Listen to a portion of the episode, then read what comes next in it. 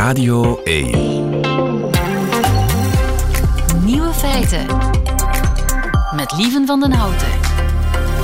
Dag en welkom bij de podcast van Nieuwe Feiten van 21 maart 2023. In het nieuws vandaag dat bij een vliegtuigcrash de Britten de grootste kans maken om hem te overleven. Althans, dat beweert de CEO van een Amerikaans bedrijf dat veiligheidssystemen bouwt voor vliegtuigen omdat Britten van een goede rij houden. Een efficiënte rij is namelijk de beste manier om veilig een vliegtuig te verlaten. Niet aan jezelf denken en niet beginnen drummen, want dat kan mensen in gevaar brengen. En aangezien de Britten zeer gedisciplineerd zijn wanneer het om rijden gaat, voorbijsteken er namelijk een grote schande is, beweert die CEO van dat bedrijf dat Britten de andere passagiers zoveel mogelijk de kans geven om het vliegtuig veilig te verlaten, wat uiteindelijk voor iedereen het beste is. Cuwend neerstorten. Kan het Britser? De andere nieuwe feiten vandaag. In Nederland wordt een vaccin tegen vogelgriep met succes getest. Yuri Kortens gaat op zoek naar vegende reeën. Donald Trump is vooralsnog niet gearresteerd, maar de foto van zijn arrestatie die is er al.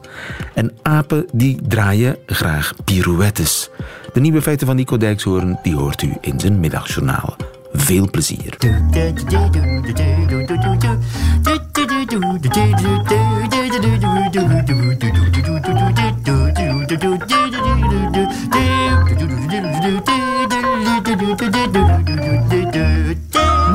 Feiten. Held van de dag is Evelien Germeraad. Goedemiddag, Evelien. Hi, hallo. Evelien, je bent veterinair microbioloog aan de Wageningen Universiteit in Nederland. En jij bent bezig met het testen van een vaccin tegen vogelgriep. Ja, dat klopt. Ja, wij zijn eh, inderdaad vier vaccins aan het testen. Ja. En werken ze?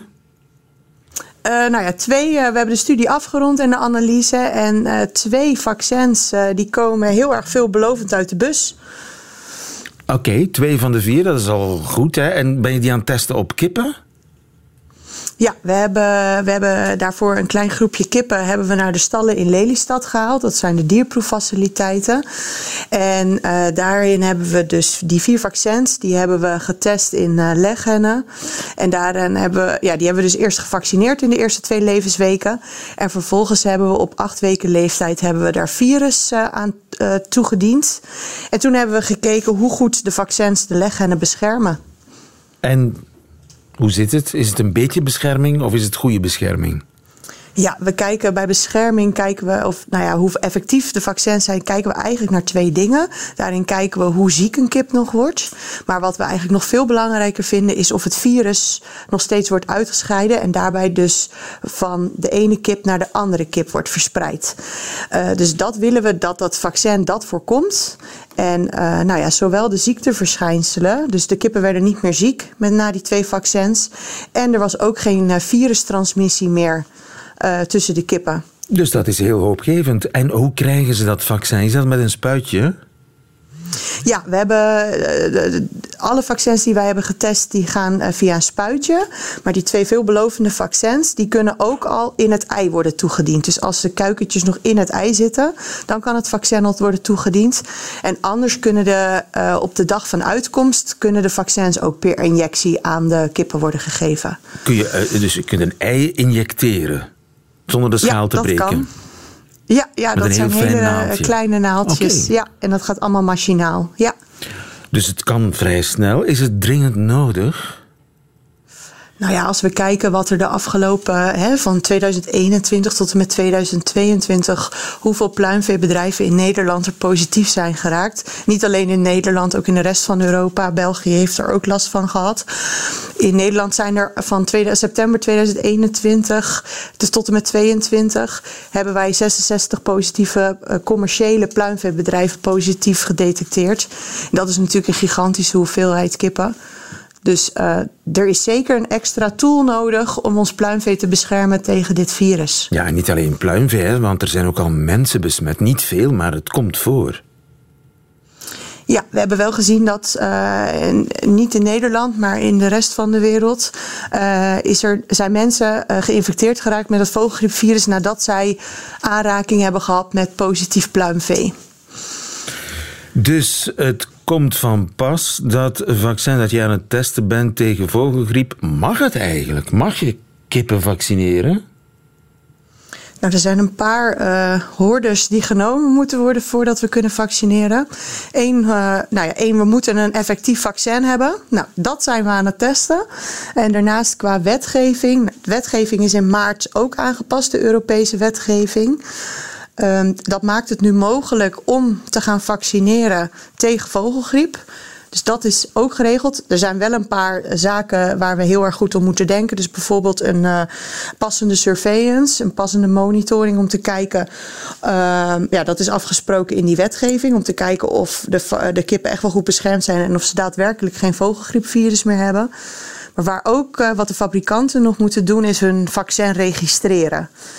En als uh, dat allemaal geregeld is, dus het surveillance systeem en uh, de vaccins doen het daadwerkelijk goed, ja, dan zou er gevaccineerd kunnen worden. Maar dat is natuurlijk niet aan mij, hè? dat zijn de beleidsmakers. Juist ja, maar omdat ik las ergens dat het vlees van die kippen en de eieren van die kippen dan vervolgens niet meer verkocht mogen worden nadat ze gevaccineerd zijn. Dat klopt dan niet, niet langer? Nee, Nee, dat wordt nu dat, dat wordt allemaal beoordeeld. Dat zijn ook weer allemaal verschillende instanties die daar verstand van zaken van hebben. En die daar naar kijken. Die zijn dat op dit moment allemaal aan het beoordelen. En um, ja, daar wordt dus over gesproken. Uh, dat is ook iets waar nog naar gekeken dat moet, moet worden. nog geregeld maar, worden. Nou, er moet naar gekeken worden of dat nog geregeld moet worden, zeg maar. Of dat een uh, voedselveiligheid is. Dat is bij registratie. Als je het vaccin Juist, ja. geregistreerd gaat worden, dan wordt, wordt er naar dat soort zaken gekeken. Want tuurlijk willen we de dieren beschermen, maar de humane gezondheid mag ook zeker niet in het geding komen. Ja. Dus daar wordt bij registratie voor zoveel, van zo'n vaccin wordt daar naar gekeken.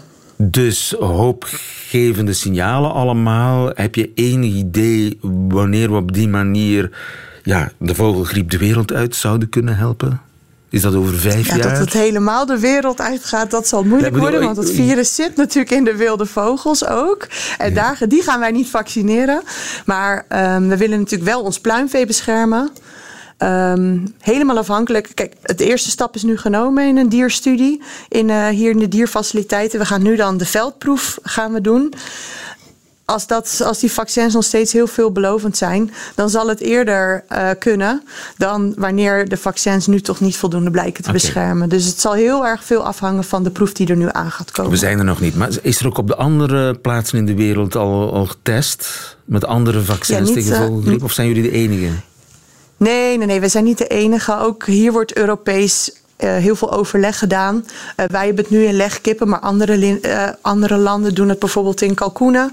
Dus er zijn nog meer landen mee bezig om dit soort tests uit te voeren en de verschillende vaccinaties te testen. Dus nee, niet alleen Nederland is hiermee bezig. Het is een race. Mag ik je daarbij heel veel succes wensen. Evelien Germeraad in Nederland voor ons. Dankjewel. Goedemiddag. Dankjewel. Nieuwe feiten. Radio 1.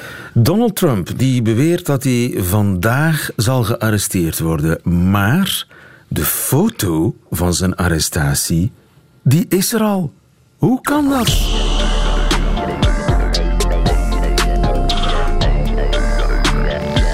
De nieuwe feitenchecker.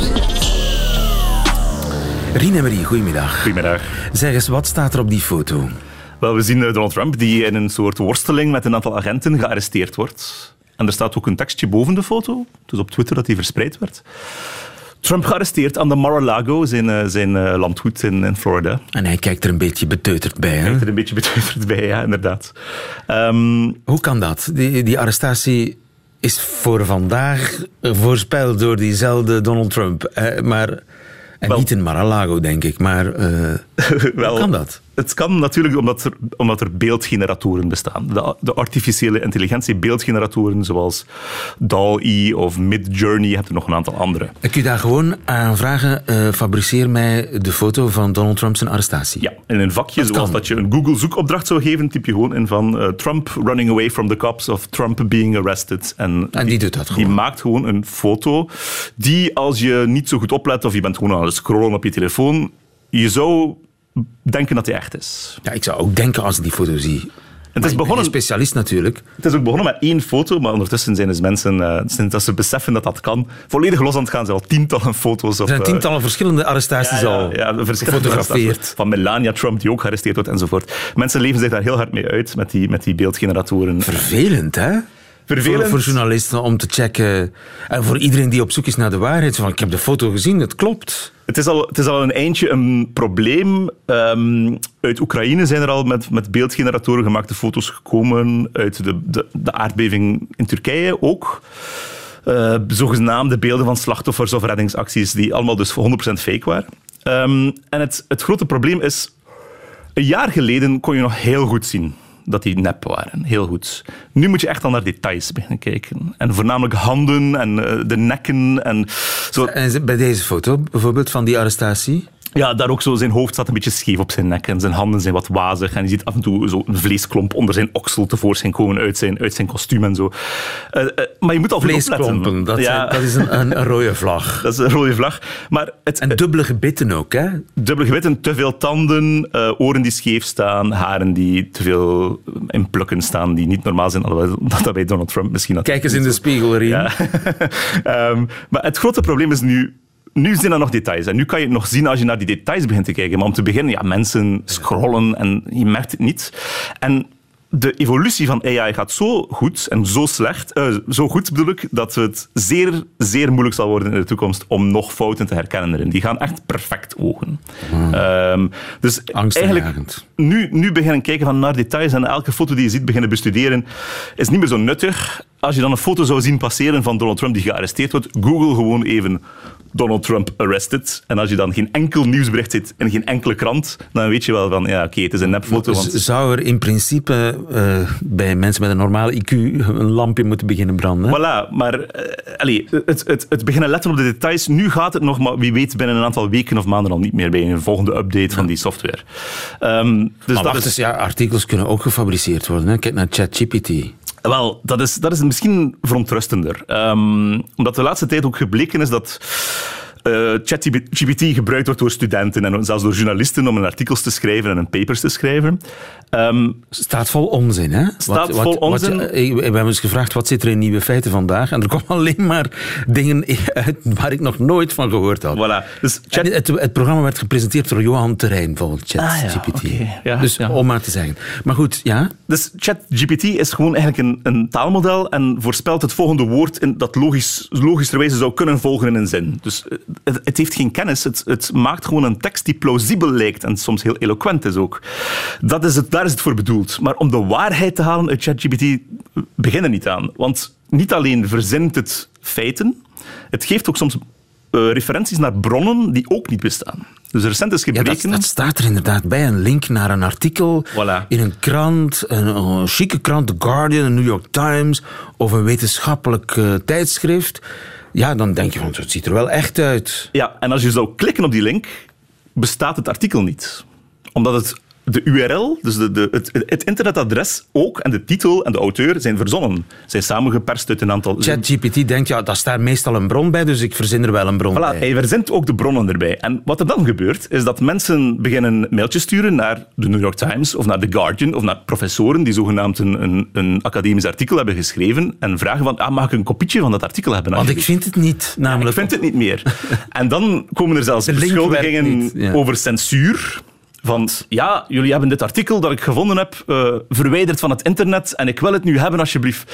Eh, en dan zit je in een soort ehm, geloofwaardigheidswedstrijd van gaat, gaan de mensen ChatGPT of, of andere concurrenten daarvan geloven? Of gaat men geloven wat de mainstream media zegt? en dat, dat kan verkeerd aflopen, want... eh, Dus, we hebben een nieuw woord voor ironie nodig. Hè? Dus ChatGPT verzint een artikel. Ja. De auteur, de zogenaamde auteur van het artikel, kan dat niet tevoorschijn toveren, want dat bestaat namelijk niet. Het is Exact. nooit geschreven. Waarna diezelfde auteur van censuur wordt eh, ja, dat klopt. ja, beschuldigd. Het is, het is dus al gebeurd. Bijvoorbeeld een, eh, een artikel verschenen over Navalny, de vergiftigde Russische politicus. En eh, ja, dat, dat, dat refereerde aan een aantal bronnen, want de journalist had ChatGPT gebruikt. Oh nee, het is niet ChatGPT, maar een variant ervan. Eh refereerde aan bronnen in The Guardian en New York Times, eh, die niet bestonden. En dus ja, dan, mensen kiezen dan ervoor om te geloven van ik ga de chatbot geloven, want dat is een soort alwetend orakel. Dat is, dat is, dat is echt een, dringend een, een misvatting die de wereld uit moet. Ja, lees gewoon de krant. Lees een goede krant. Of 14 nieuws of zo. 14 nieuws bijvoorbeeld, als het echt niet anders kan. Hè? Dankjewel, Rien en Marie van 14 nieuws. Goedemiddag.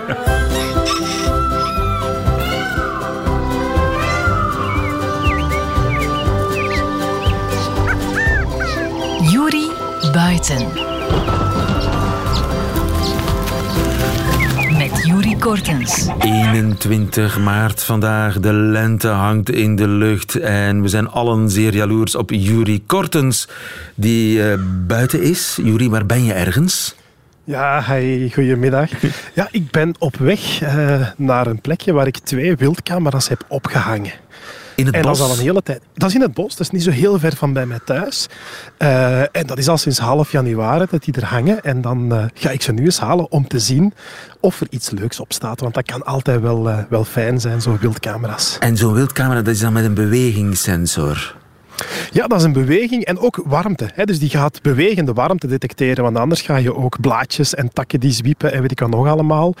Uh, maar omdat er daar beweging en warmte gecombineerd worden, krijg je dus een, uh, een heel mooi... Oh, hier, hier loopt net een ree voorbij, lieve.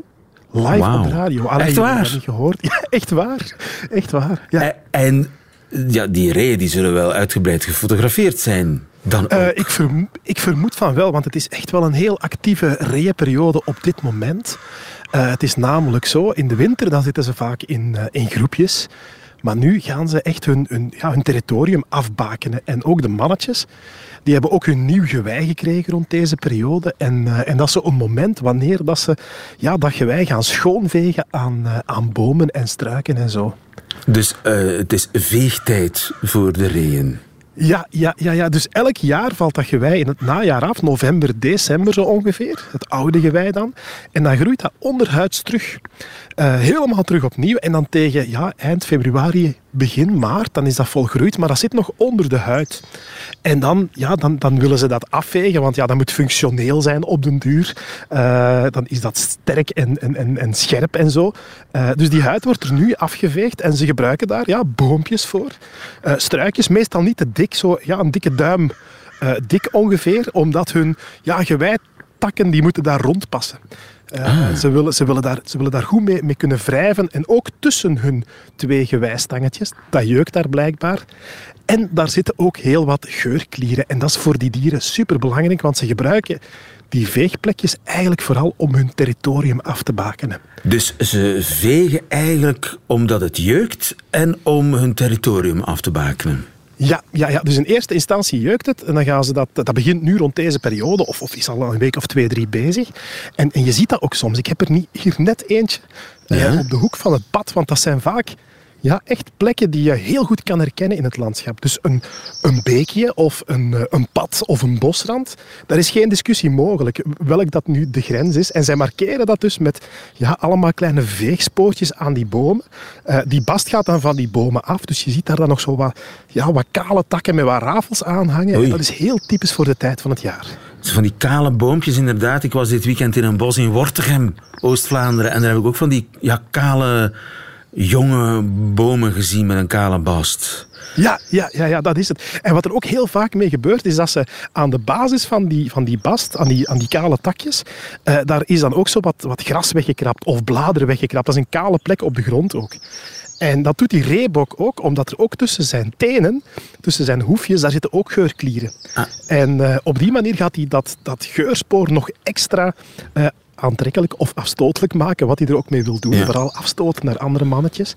Wel spijtig uh, voor dat, dat boompje, ook... want ja, dat overleeft het niet, denk ik. Goh, in veel gevallen overleven die dat wel hoor. Dus um, het is vaak maar aan één kant. Dus als er dan aan de andere kant nog voldoende bast over is, dan, dan groeien die nog wel. Ja. Niet meer zo goed als daarvoor, maar uh, het lukt nog wel. Ja. Volgens mij heb ik een hond gehoord. Kan dat? Nee, nee dat, was, dat was ook een ree. Hè? Dat was ook een ree. Ja, is dat... dit een ree? ja, dat is, ja, ja. Dat is een hond. Kom maar. Nee, dat, dat, dat, is ook, dat is ook een ree. Dat lijkt heel erg op het blad van een hond. hond. Maar dat is toch een hond? Nee, nee, nee. Dit is, dit is een ree. Een reebok zelfs. Ja, is kwaad. En dat klinkt... Hij is kwaad. Ja. Dat klinkt als een hond, maar het is een ree. Ja, het, nee, het klinkt inderdaad als een hond. Uh, het, is, Oh. het is meestal iets dat je s'avonds te horen krijgt, maar ook overdag. Als, uh, ja, die is net gaan lopen daarnet. Hè, dus waarschijnlijk uh, vindt hij het niet zo fijn dat ik in de Dat buurt op van zijn hij wil niet op de territorium radio. ben. Dat kan ook zijn, of misschien net wel. Of misschien net wel. Ja, Ja. Dus, En dat is eh, dus het... Want ja, ik wist niet eens dat die geluid maakte, reeën. Ja, ja, ja, en dat gaat de volgende weken alleen nog maar, eh, nog maar heftiger worden. En ik, ik denk dat veel mensen dat al wel eens gehoord hebben hoor. Zo, zo eh, s'avonds nog eens gaan joggen of wat dan ook in, in april, mei. En, dan, en dan, eh, dan hoor je die reeën wel eens blaffen. Dat is echt binnenkort tegen. Ja, vooral de maand mei, dan wordt dat, wordt dat heel intensief. En dat is ook een manier om duidelijk te maken van kijk jongens, dit is mijn territorium, dit is mijn plekje.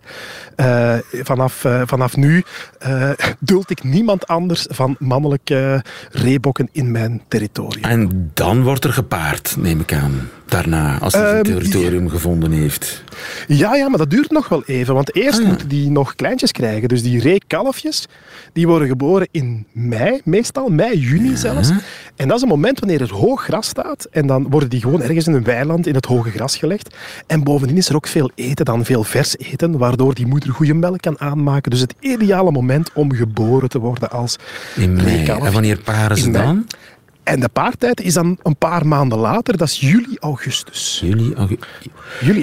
Wacht eens even. Dus de, de- wat er in mei geboren zal worden, dat is eh geconcipieerd. Als je dat, is dat- de, de conceptie is gebeurd in juli het jaar ervoor. Ja, ja, ja, zo lang gaat dat. Maar het is, het is niet dat die zo lang effectief gegroeid hebben, die, eh, die kalfjes. Eh, helemaal in het Ah begin ja, want dat gaat- zou, gaat- dat zou een ezelsdracht van een maand of tien.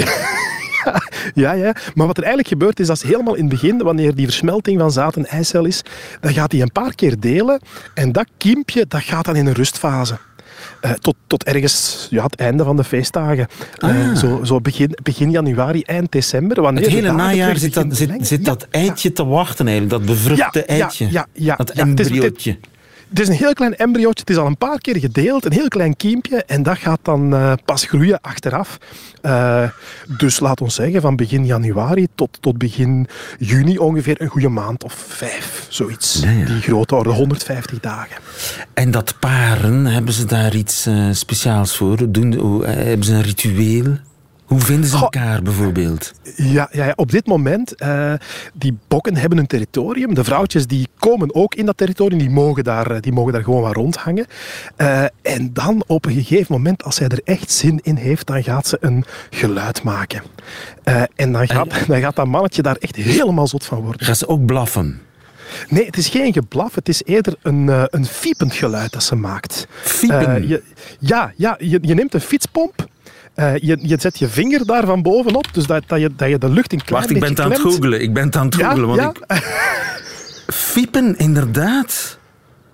Dus reeën fiepen. Regenfiepen. En dat is, dat is typisch iets dat de vrouwtjes doen. eh, of vooral de vrouwtjes. Wacht, ik kan het laten Eh, horen. Ik kan het laten horen. Oké, Was dat het? dat is het. Ja, dat is het. Dat is inderdaad een soort, een soort fietspomp eigenlijk.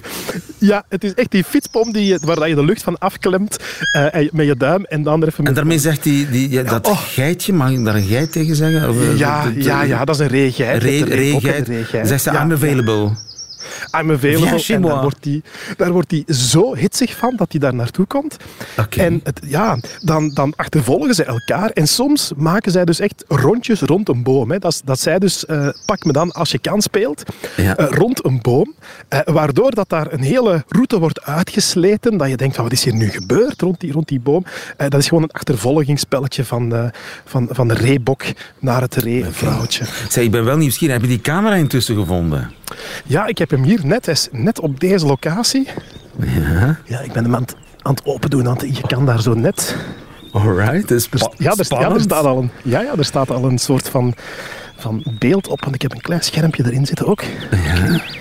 Is, zit, zit er een, ik, zou, ik zou het wel geweldig vinden mocht er een wolf op te zien zijn. Ja, ja, ja. Ik, ik, goh, 60, 60 beelden, dus dat is niet zo heel veel, maar toch. Twee maanden Ik tijd, zie, ja. ik zie vooral reeën, reeën, reeën. Regen, regen. Ja, ja heel, heel, Heel veel regen. Ja, ik ga deze even bekijken. Oh, oh dat is tof. Ja, dat is effectief het mannetje die, eh, die geveegd heeft. Maar op deze locatie staat dus een, een dorre boom. En uh, ja, die gaat die gewoon te lijf. Wat doet hij nu? Ja, die, die, die begint daar echt tegen te, tegen te beuken, als het ware. Oh, het is echt een filmpje van zo'n vegende ja, ja, ja, dat was het. Wauw. Oh, tof, amai.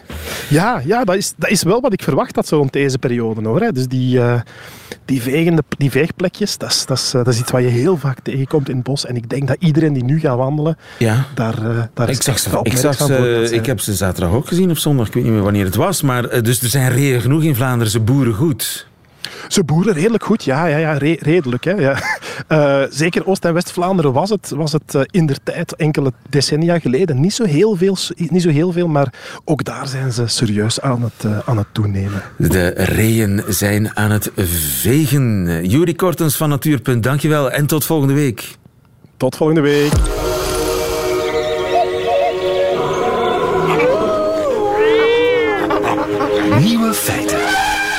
Er is iets uh, raars ontdekt aan apen. Ze draaien namelijk graag pirouettes. Dirk Drouwlands, goedemiddag. Goedemiddag, lieve. Onze huisbioloog, collega's van jou in Engeland, die hebben uren naar YouTube-filmpjes zitten kijken. Hoe kwamen ze daarbij? Ja, een van die twee was eigenlijk per ongeluk gevallen op een, uh, een YouTube-filmpje dat viraal ging van een gorilla in een Amerikaanse zoo die in zo'n soort uh, plastic zwembad stond. Uh, en, en daar echt ongelooflijk snelle toertjes in aan het draaien was, met opspattend water en zo. Uh-huh. En, uh, en dat, deed, dat deed hen denken aan... Ik heb dat vorig jaar trouwens eens in, uh, op het Sphinx Festival zelf ook nog gezien, op van die derwischen, hè, die dansers die, die zo alleen minutenlang intensief blijven ronddraaien.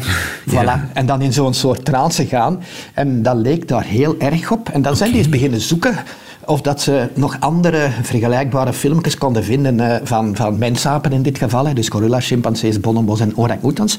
En ze hebben er meer dan veertig gevonden, vooral van dieren in gevangenschap die een koorde draaien en blijven ronddraaien. Maar ook een paar van, uh, van, van dieren in het wild die dan een, de variant met lianen hebben. En ze hebben daar dan bestudeerd en daar dan toch een soort uh, wetmatigheid in gevonden. Ah, ja. En dus ze draaien rondjes in water of ze draaien aan lianen. Ja, ze blijven ronddraaien. Hè. Jane Goodall heeft blijkbaar ergens een filmpje gemaakt, ook ooit in een tijd. Hè, de fameuze chimpansee-onderzoekster van chimpansees in het wild, die zo in de waterval staan rondjes te dansen. Een beetje vergelijkbaar met die gorilla dan in gevangenschap.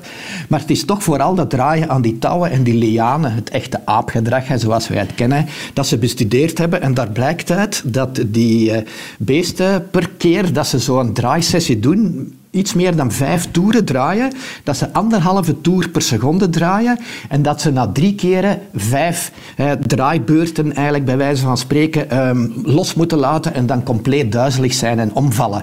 En ah. het, grappige is dat die, ja, het grappige is dat die onderzoekers dan zelf ook eens geprobeerd hebben wat dat, dat geeft. En die Anderhalve seconde. Dus, dus anderhalve toer per seconde. Anderhalve toer per seconde, jeetje. Ja, en, en vijf toeren per keer en dan drie keren na elkaar. En dan zijn je effectief ineens je volledige controle over je normale fysiologische status kwijt. En gaat het duizelen, wat dat sommigen dan blijkbaar een lichthoofdig en, en, en een meditatief gevoel geeft. Enfin, blijkbaar is dat plezant, want die apen blijven dat ook doen. Maar door het feit dat dat bij die onderzoekers min of meer vergelijkbaar gas. En dat men dan bij die mensapen gaat men ervan uit dat dat eigenlijk ook in onze voorhistorie uh, een rol zou kunnen gespeeld hebben. Dat wij dus al heel lang eigenlijk op die manier op zoek gaan ja, naar een vorm van tijdelijk controleverlies. Ah ja, dus dat is de hypothese dat die apen, net als de mensen, graag ja, de roes opzoeken of ja, hun verstand ja. even uitschakelen? Of hoe moet ik het zien? Ja, een psychologische high noemen die wetenschappers het dan. Of zo'n beetje spelen met de, de, de, de, zorgvuldige balans van wat het uw lichaam doet. Hè. Want het gaat in principe over een balans tussen het evenwichtsorgaan in het oor en wat je ziet die door dat ronddraaien compleet ontregeld raakt. En dat geeft dan een aangenaam gevoel. Er is ook, uh, de speeltuinen zijn er ook op gebaseerd. De, lieven, uh, de meeste tuigen in speeltuinen, die zwieren ja. rond of, of die draaien rond. Of, ik haatte het. Die... Ik, ik haat ook daar ja, ronddraaien. Ik, ik had er ook altijd, altijd een misselijkmakend ja, Naar de speeltuin. Dus, nee. Maar blijkbaar is dat dus iets dat kindjes graag doen om, om hun zintuigelijke ervaringen wat te testen. En, in dat stuk, hè, dus gepubliceerd in het vakblad Primates, dat verhaal over die mensapen, daar wordt als een van de slotconclusies gezegd dat, het, dat men beter afgekeurde speeltuintuigen in de plaats van die ergens op een schroot hoop te gooien, recycleert in apenkooien in dierentuinen. Ja. Want dat is ook een punt dat men maakt. dat men ervan um, uitgaat dat het in dierentuinen misschien toch ook een manier is om aan de verveling van een leven in gevangenschap te ontsnappen. En dat die dieren dan op die manier toch nog zo'n vorm van vreugde en, en van, van wat loskoppeling kunnen creëren. Wat dat dan op zichzelf dan toch wel weer niet echt een mooie um, uh, conclusie is, maar wel een relevante conclusie. Dat zou je dan kunnen vergelijken naar, met naar de fles grijpen, omdat ze voilà. ja, zich vervelen. Ja, het is, het is hetgeen dat men, men ook gemaakt. Hè. Dus dat, men heeft ook al wel vastgesteld dat er dieren zijn die ook in de natuur gistende vruchten gaan, uh, gaan eten om zo'n beetje een dronkenschapgevoel te krijgen of, of misschien zelfs aan de drugs gaan door bepaalde planten. Maar dat is natuurlijk iets, daar moeten we in de natuur mee oppassen, want als, dat, uh, als je daar te veel van gebruikt en als het lang duurt, worden kwetsbaar voor eventuele hè, dus, uh, aanvallers, hè, dus sluipaarden en zo. Dus in die zin is dit misschien, als het echt effectief ook in de natuur vrij algemeen zou zijn, een relatief ongemakkelijk gevaarlijke manier van controleverlies, omdat het niet zo lang duurt. Je ja. recupereert daar relatief snel van. Ja, maar in gevangenschap uh, kan het een soort uh, ja, verslaving worden, bij wijze van spreken. En dat wijst er toch op dat een dier dat eigenlijk niet leuk vindt, hè? Nee, ik denk dat we daar wel vanuit kunnen gaan. Het, het is uh, wat ik mij altijd afvraag, hè, want veel van die mensapen die nu in gevangenschap leven, dat zijn dieren die in gevangenschap geboren zijn. En gelukkig is er al een tijd geleden een verbod gekomen om die populaties nog aan te vullen met dieren die in het wild gevangen worden, zoals dat vroeger gebeurde. Maar ik blijf mij, als ik dat zo zie, toch altijd afvragen van, herinnert zo'n dier zich eigenlijk iets van zijn wilde voorouderstatus? Ik weet het niet, maar, maar ik zou geneigd zijn van te denken van wel eigenlijk. Ja, ik zal eraan denken als ik nog eens zo'n app zie uh, draaiende derwisjes spelen. Dirk Drouwlands. Het grappige is ja? wel, men heeft ook, dat, dat, dat, nog een kleine aanvulling misschien ook, ze hebben dat ook eens bij ballerina's en kunstschaatsers onderzocht, hè, die dat echt heel extreem doordrijven. En als je heel lang meer dan genoeg oefent, dan kun je je hersenen zo trainen dat je dat eigenlijk kunt rekken en dat je dus niet, als je zoals die, die, die ballerina's en die kunstschaatsers, als je dat dus extreem doordrijft, dat je dan prompt omvalt. En dat is dus echt iets, je moet daar massief op trainen om te, om te voorkomen dat je hersenen dus echt op de kortste keren onderuit gaan. En blijkbaar kan dat op een bepaalde manier wel. Ja. Dat je daar aan aangepast geraakt. Ja. Maar, allee, ik, ik word er misselijk van als ik het zelf al zie doen. Bij gebrek aan gewenning, hè. Dirk, blijven oefenen. Voilà. Blijven oefenen. Voilà. De draaiende Dirk. Goedemiddag, dankjewel. Dirk Dranans. Groetjes, lieven.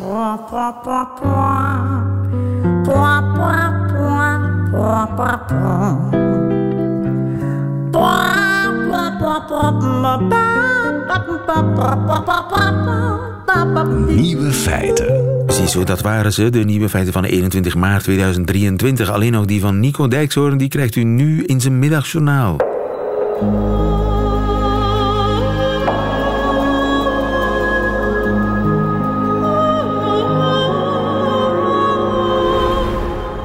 Beste luisteraars, de vrouw die u een paar seconden geleden, voordat ik ging praten, hoorde zingen.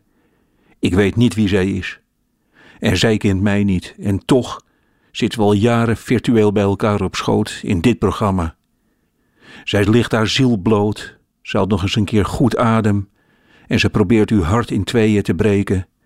En daarna zeg ik, dwars door haar heen, beste luisteraars, gisteren kocht ik nieuwe sokken. Of ik zeg, ooit viel ik in Griekenland voor een vol terras van een scooter en deed ik net alsof dat de bedoeling was. En luisteraars, dat voelt opeens zo ontzettend verkeerd. Die bruutheid waarmee ik die zangeres het zwijgen opleg.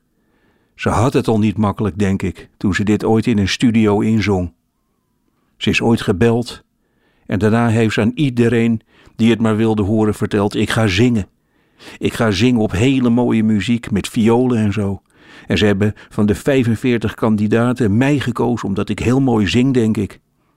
Eindelijk, eindelijk gaan mensen mij horen. Ik zal zingen als nooit tevoren en ik zal ieder woord, ieder woord een intense lading mee proberen te geven. Luisteraars, een maand later stond ze in een studio en zei de componist tegen haar: Nee, geen woorden zingen, doe maar iets als hoe of ha. Beetje als Once Upon a Time in the West. Galm gewoon maar wat voor je uit.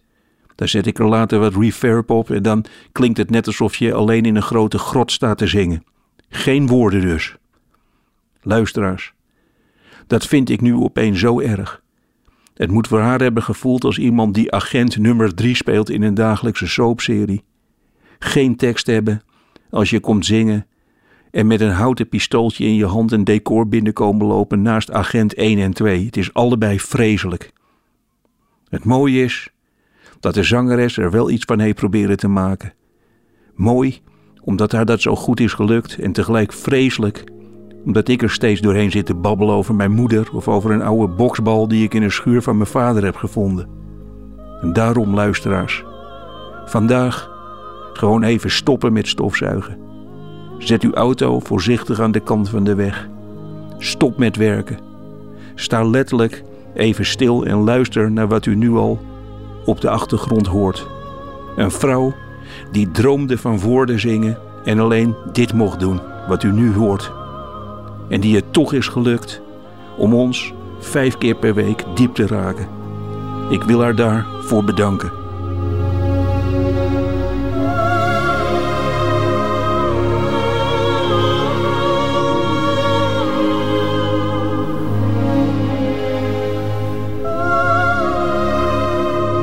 Geen dag te vroeg. Nico Dijkshoorn in het middagjournaal. Einde van deze podcast. Hoort u liever de volledige nieuwe feiten met de muziek erbij? Dat kan natuurlijk elke werkdag live tussen 12 en 1. Of on demand via de Radio 1 website of app. En nu weer zingen, kind. Tot een volgende keer.